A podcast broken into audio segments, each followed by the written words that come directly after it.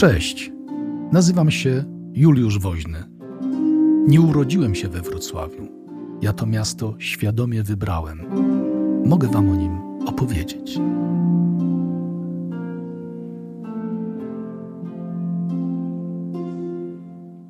Walczył z Sowietami, a potem wymyślił wielką małpę. Życie Mariana Coopera to gotowy scenariusz na wielki przebój kinowy. Bohater wojenny, laureat Oscara, a co dla nas, Polaków, najważniejsze, żołnierz walczący po naszej stronie w wojnie polsko-bolszewickiej. Prawdziwy, niespokojny duch, człowiek, który wiele razy rzucał wyzwanie losowi, a jednocześnie niebywały szczęściarz, bo los, wielokrotnie wystawiany przez niego na próbę, niezmiennie mu sprzyjał. Jesień 1918 roku. Nad linią niemiecko-polskiego frontu unosi się samolot pilotowany przez Amerykanina, Mariana Coopera. Już zrzucił bomby na stanowiska wroga, spokojnie wraca do bazy. Nagle pojawiają się niemieckie myśliwce, serie z karabinów maszynowych. Silnik aeroplanu ogarniają płomienie. Drugi pilot, Ed Leonard, postrzelony w szyję, nie daje znaku życia. Pożar przedostaje się do kabiny. Ból jest nie do wytrzymania. Cooper postanawia wyskoczyć z maszyny, mimo że nie ma spadochronu. Jeszcze raz spogląda w tył, w stronę kolegi. Ten zaczyna się poruszać. Cooper wie, że chcąc ocalić kolegę, musi sprowadzić maszynę na ziemię. Ręce ma tak poparzone, że nie może chwycić za stery. Przy pomocy kolan i łokci sprowadza samolot na ziemię. W pobliżu ląduje samolot niemiecki. Lotnik, który go pokonał, salutuje, bierze obu Amerykanów do niewoli i sprowadza pomoc lekarską. Pierwsza wojna to czasy, gdy niemieccy lotnicy jeszcze zachowują się rycersko. Po raz pierwszy do rodziny w Stanach Zjednoczonych dociera wiadomość, że Marian Cooper zginął na polu chwały. Marian do końca życia przechowywał swój akt zgonu, na którym jeden z jego przyjaciół dopisał: Mówiąc językiem Marka Twena, Twoja śmierć jest wysoce przesadzona. Dlaczego w cyklu poświęconym sensacjom z Wrocławia mówią o amerykańskim lotniku rannym gdzieś na francusko-niemieckim froncie, gdzieś nad daleką Mozą? To proste. Ten dzielny Jankes leczył swoje poparzenia w szpitalu w Breslau. Tak, trafił tu, bo we Wrocławiu w tym czasie medycyna stała na świetnym poziomie i tu znakomicie leczono rany po oparzeniach. We wrocławskim szpitalu rozmawiał z polskimi i rosyjskimi jeńcami. Słuchał dramatycznych opowieści o potwornościach bolszewizmu.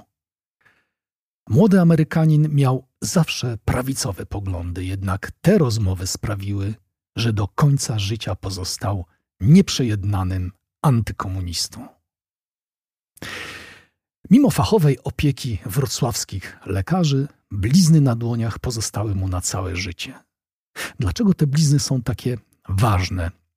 Ano w burzliwym życiu Mariana Coopera nastąpił taki moment, że te ślady po oparzeniach na rękach ocaliły mu życie, ale o tym później. Na razie cofnijmy się o niemal 140 lat od roku 1918. Jest 9 października 1779 roku. Trwa wojna z Anglią o niepodległość Stanów Zjednoczonych. Sławny legion kawalerii atakuje pozycje brytyjskie pod Savannah. Natarciem kieruje dowódca i twórca legionu, bohaterski Polak Kazimierz Pułaski. Podczas szarży zostaje śmiertelnie ranny. Z pola bitwy znosi go jego przyjaciel, nazwiskiem uwaga, uwaga, Cooper. Tak jest, to pułkownik John Cooper, prapradziadek Meriana. John czuwa przy łożu śmiertelnie rannego bohatera, a nad jego grobem składa przyrzeczenie, że gdy nadejdzie czas, gdy to Polacy staną do walki o niepodległość, John Cooper albo któryś z jego potomków wyruszą do dalekiej Europy, aby spłacić dług honorowy. I teraz pomyślmy: 140 lat w jednej rodzinie. W kolejnych generacjach nastaje taki dzień, w którym ojciec bierze syna do gabinetu i mówi: Słuchaj, młody, oni przepłynęli ocean, żeby walczyć o naszą wolność. Nie ma, że daleko. Jak przyjdzie czas, trzeba będzie jechać tam i spłacić dług. Rozumiesz? Sprawa honoru. Pamięć o przyrzeczeniu trwa w jednej rodzinie 140 lat. No kurczę, a ilu z was, drodzy słuchacze, wie, kto w ogóle był waszym prapradziadkiem albo praprababcią? Nie mówiąc już o tym, co oni komu obiecali. Piękne to były czasy. Honor i tradycja coś znaczyły. O tym, jak młody Merian spłacił dług za chwilę, a na razie przyjrzyjmy się młodości praprawnuka pułkownika Johna Coopera. Byłem nieśmiałym chłopcem, ale w szkole zostałem mistrzem w boksie i w zapasach. W porównaniu z ojcem i bratem, intelektualnie wypadałem dość marnie. I przez całe życie próbowałem to nadrobić. Zawsze byłem od nich odważniejszy pisał we wspomnieniach Merian Cooper. No proszę, do działania motywowały go kompleksy. Nic dziwnego, że wstąpił do Akademii Marynarki Wojennej w Annapolis. Był słuchaczem wyjątkowo niezdyscyplinowanym. Nie dość, że uganiał się za dziewczynami, to jeszcze wygłaszał jakieś dziwaczne uwagi, że jego zdaniem w kolejnych wojnach to samoloty będą niszczyć okręty wojenne. Stare wilki morskie z akademii znały się przecież na rzeczy. Potężne krążowniki i pancerniki dawały sobie znakomicie radę z malutkimi samolocikami. Lotnictwo wojskowe było wtedy w powijakach. Samoloty, balony i cepeliny służyły raczej do lotów rozpoznawczych. Herezji, które wygłaszał bezczelny student, nie można było puścić płazem młody Cooper wyleciał z uczelni.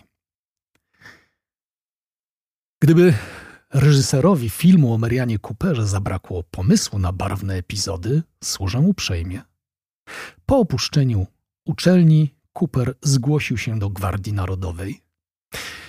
Jego oddział miał zlikwidować meksykańskiego przywódcę chłopskiej rewolty Pancho Villę. Opryszek zaatakował wcześniej osiedla po amerykańskiej stronie granicy, zabił kilku Amerykanów, a tego prezydent Woodrow Wilson nie mógł puścić płazem.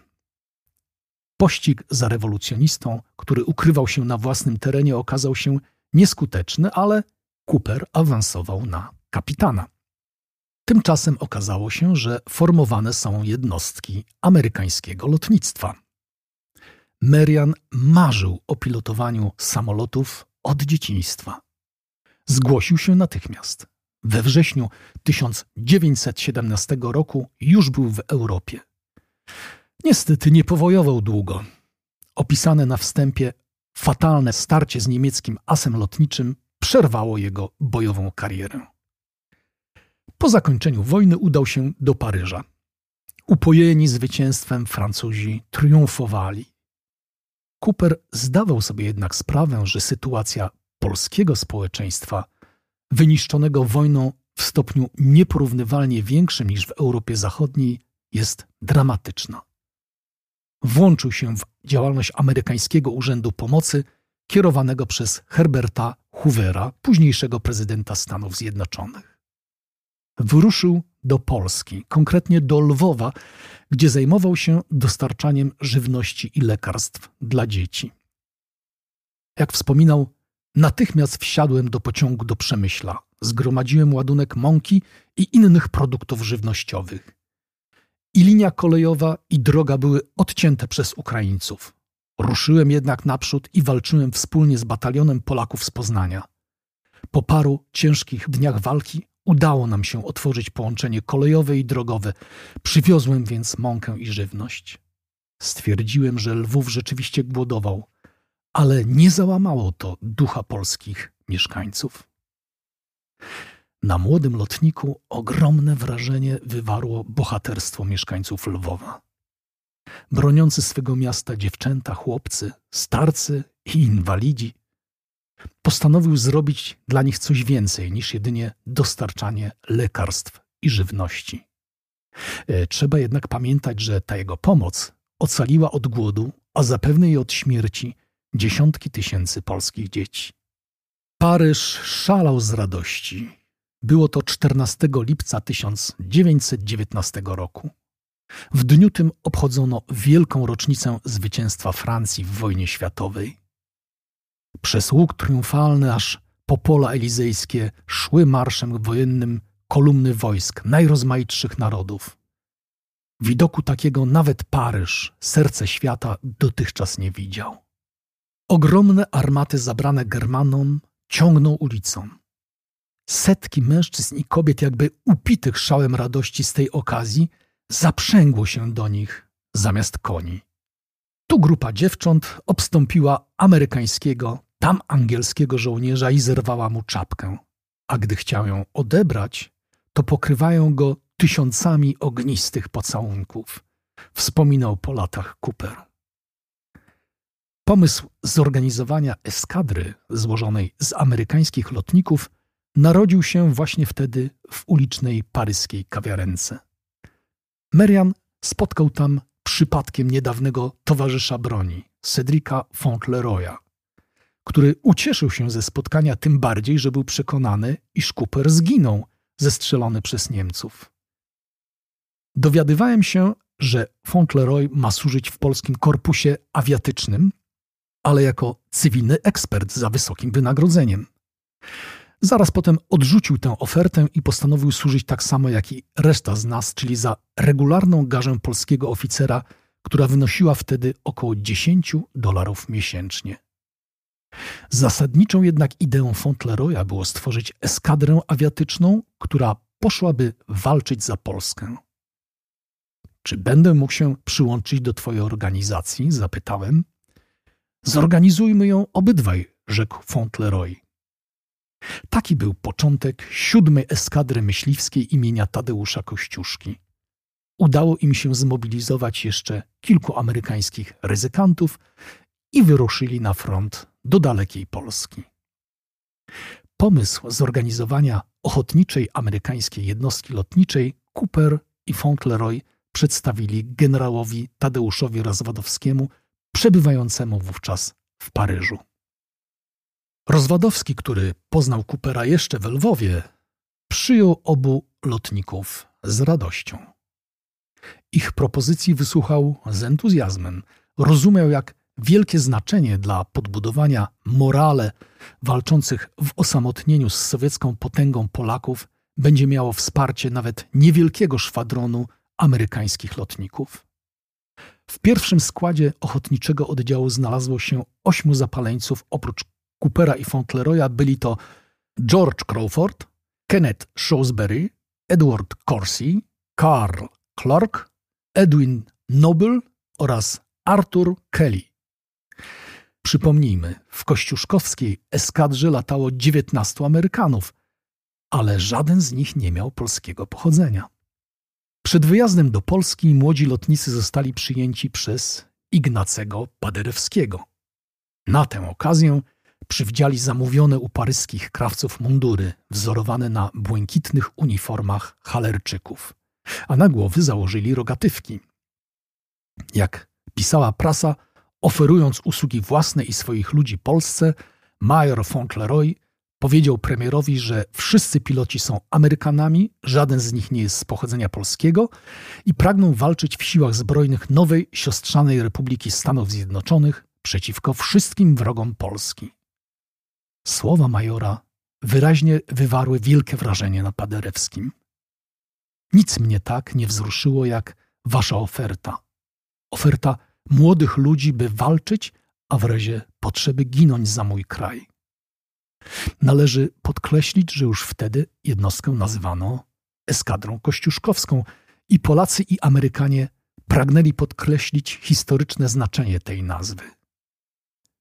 Garstka Jankesów postanowiła spłacić dług zaciągnięty przez ich naród dzięki polskim bohaterom Kazimierzowi Płaskiemu i Tadeuszowi Kościuszce. Nieco inaczej wyglądało spotkanie amerykańskich ochotników z Józefem Piłsudskim. No kurczę, czyż to nie jest gotowy scenariusz do filmu? Hej, panie i panowie z pistwu, czy jak to się tam nazywa, na co czekacie?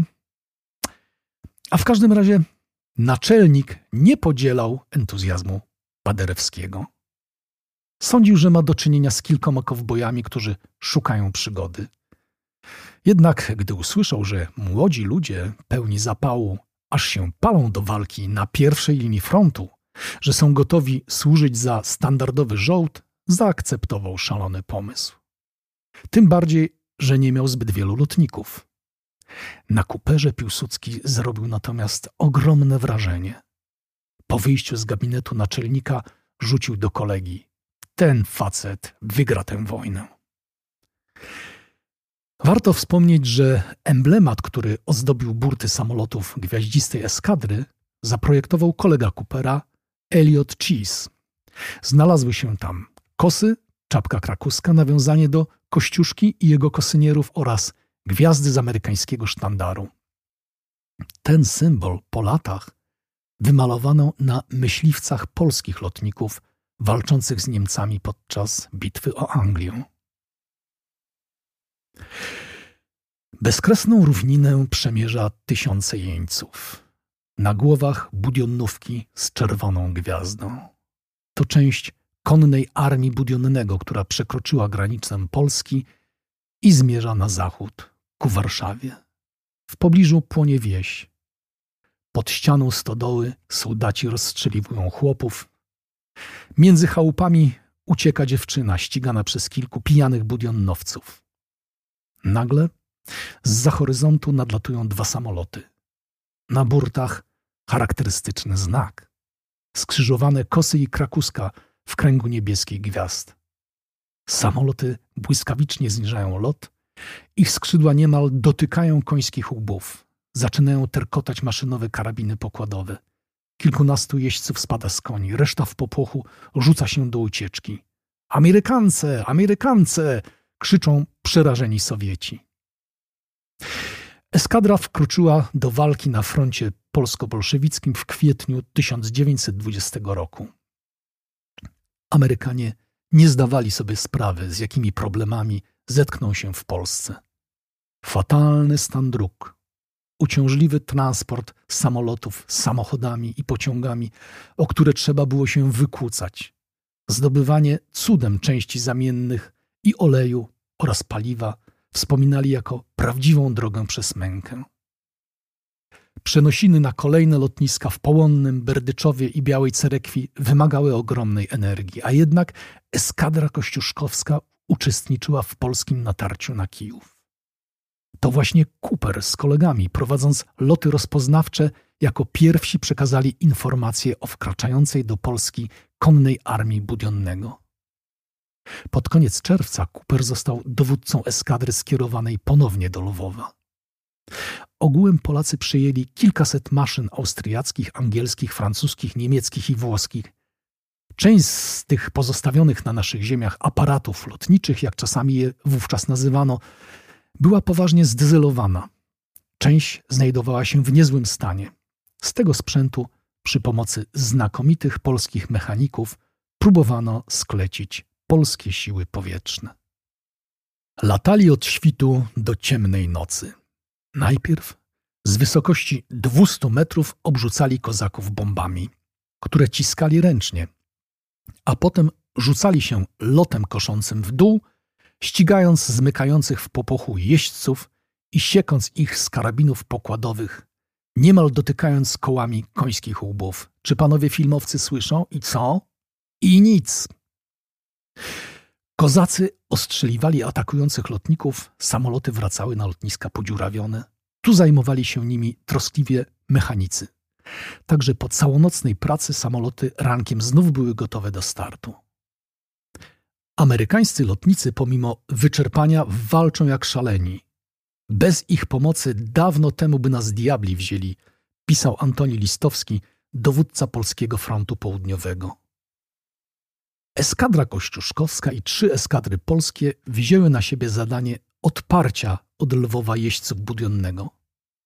Pod koniec sierpnia wspólny wysiłek lotników, polskiej konnicy i piechoty oraz bohaterstwo mieszkańców Lwowa zmusiło bolszewików do odwrotu. Na zachodzie wojska Piłsudskiego przepędziły armię Tuchaczewskiego spod Warszawy. Amerykanie byli współautorami cudu nad Wisłą. Ale wojna to nie tylko walka. Te epizody barwnie opisuje sam Cooper. Podczas dnia były jeszcze bardziej interesujące sceny. Bożeczka zwykle zapełniała się kąpiącymi się mołotcami i dziewczętami, a jedni, jak i drugie, byli w wodzie w stroju Adama i Ewy. Miło było patrzeć na te dorodne dziewoje, czerstwe i zdrowe i nie wstydzące się piękna swego ciała, gdy się kąpały w wodzie i w słońcu. Największą uciechą kapitana Corsiego było w takich dniach wzlecieć aeroplanem w górę i spać na kąpiące się w rzece dziewczęta. Wypędzał je zwykle z wody, a one uciekały brzegiem rzeki lub w krzaki, śmiejąc się do rozpuku. Pomimo naszego krótkiego tam pobytu, prawie każdy wyszukał sobie taką młodą i ładną dziewoję, by udzielała mu lekcji języka ukraińskiego.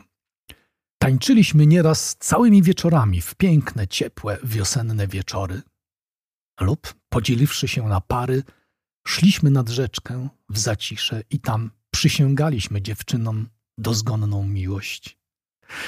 A na drugi dzień rano lecieliśmy aeroplanem w dal. Czy może kogoś dziwić, że do końca życia Merian Cooper te właśnie chwile wspominał jako najpiękniejsze w swoim życiu? Yy, zwracam tylko uwagę panom i paniom filmowcom. Niestety, wojna to nie tylko walka i miłość. 13 lipca 1920 roku samolot Coopera, podziurawiony kulami z sowieckiego kulomiotu, wylądował za linią wroga. Amerykanin był pewien, że zostanie potraktowany jak jeden z jego przyjaciół, którego rozjuszeni kozacy rozsiekali szablami. Uratowały go blizny na rękach. Cooper tłumaczył, że jest prostym żołnierzem z poboru. Przecież polscy oficerowie byli białoruczcy, a on jest prostym rolnikiem. Trudno uwierzyć, ale przesłuchiwał go Izaak Babel, utalentowany sowiecki pisarz, który swój udział w wojnie polsko-sowieckiej opisał w książce Armia Konna. W kluczowym momencie przesłuchania Cooper jako dowód rzeczowy przedstawił swoją bieliznę, gdzie wyhaftowany był napis Frank Moser. Cudownym zbiegiem okoliczności dostał przypadkiem z wojskowej pralni cudze kalesony, a na froncie brało się co dawali. Darowano mu wprawdzie życie, ale i tak trafił do obozu pracy, gdzie musiał kruszyć lód na torach kolejowych pod Moskwą. W tym czasie amerykańscy krewni Coopera po raz kolejny otrzymali wiadomość o jego śmierci. Wskutek morderczej pracy co noc dwóch, trzech jeńców umierało. Wraz z dwoma Polakami, porucznikiem Sokołowskim i kapitanem Zalewskim, Cooper podjął decyzję o ucieczce. Pokonali zimą 700 kilometrów. Większość z tego pieszo. W trakcie wędrówki natknęli się na sowieckiego żołnierza, który próbował ich aresztować. Polacy obezwładnili wroga, a Cooper poderżnął mu gardło scyzorykiem. To chyba wyjątkowo filmowe sceny, prawda, państwo z Piwsu? Zbiegowie w kwietniu 1921 roku przedarli się na Łotwę. Piłsudski całkowicie zmienił zdanie na temat amerykańskich lotników. Osobiście odznaczył ich krzyżami Virtuti Militari. Cooperowi zaproponowano ziemię, na której mógłby się osiedlić i pieniądze na zagospodarowanie. ale on już miał inne plany. Po przyjeździe z Polski wiódł życie filmowca, dokumentalisty, tworząc znakomite relacje z Abysynii i centralnej Afryki. Rok 1933 był szczytowym momentem w jego karierze. Przy współpracy reżyserskiej Ernesta Schotzaka stworzył legendarnego King Konga. Tak, tak, tego pierwszego w dziejach kinematografii King Konga. Oczywiście e, w finałowej scenie to on pilotował samolot, który strącił wielką małpę ze szczytu Empire State Building. Gdy we wrześniu 1939 roku wybuchła wojna, Cooper nie zapomniał o przyjaciołach z Polski. Zorganizował koncert charytatywny na rzecz walczących Polaków. Podczas pobytu w Wielkiej Brytanii spotkał się z naszymi lotnikami walczącymi w bitwie o Anglię. Witali go jak prawdziwego bohatera. Przez całą wojnę i długo po niej wspomagał polskich lotników, których losy rzuciły do USA. Cooper nie byłby sobą, gdyby nie zgłosił się do wojska, gdy tylko Stany Zjednoczone przystąpiły do wojny. Nie, nie, nie, nie ograniczył swojej działalności do siedzenia w sztabie. Zasiadał za sterami myśliwców i brał czynny udział w walce. Cały Marian Cooper. Ponoć zawsze pierwszy szedł w ogień i nie bał się samego diabła. Był obecny podczas podpisywania przez Japończyków kapitulacji na pokładzie pancernika Missouri. Pięć lat po wojnie nadano mu tytuł generała. Pieniądze zarobione w showbiznesie zainwestował w lotnictwo i został jednym z dyrektorów firmy Panam. Ma swoje miejsce w Alei Gwiazd w Hollywood. Zanim zmarł, dotarła do niego informacja, że w roku 1972 sowieckie czołgi, nie, nie buldożery, ale właśnie czołgi wjechały na cmentarz Orląt w Lwowie i zniszczyły między innymi mogiłę jego towarzyszy broni, amerykańskich lotników. Zmarł w następnym roku.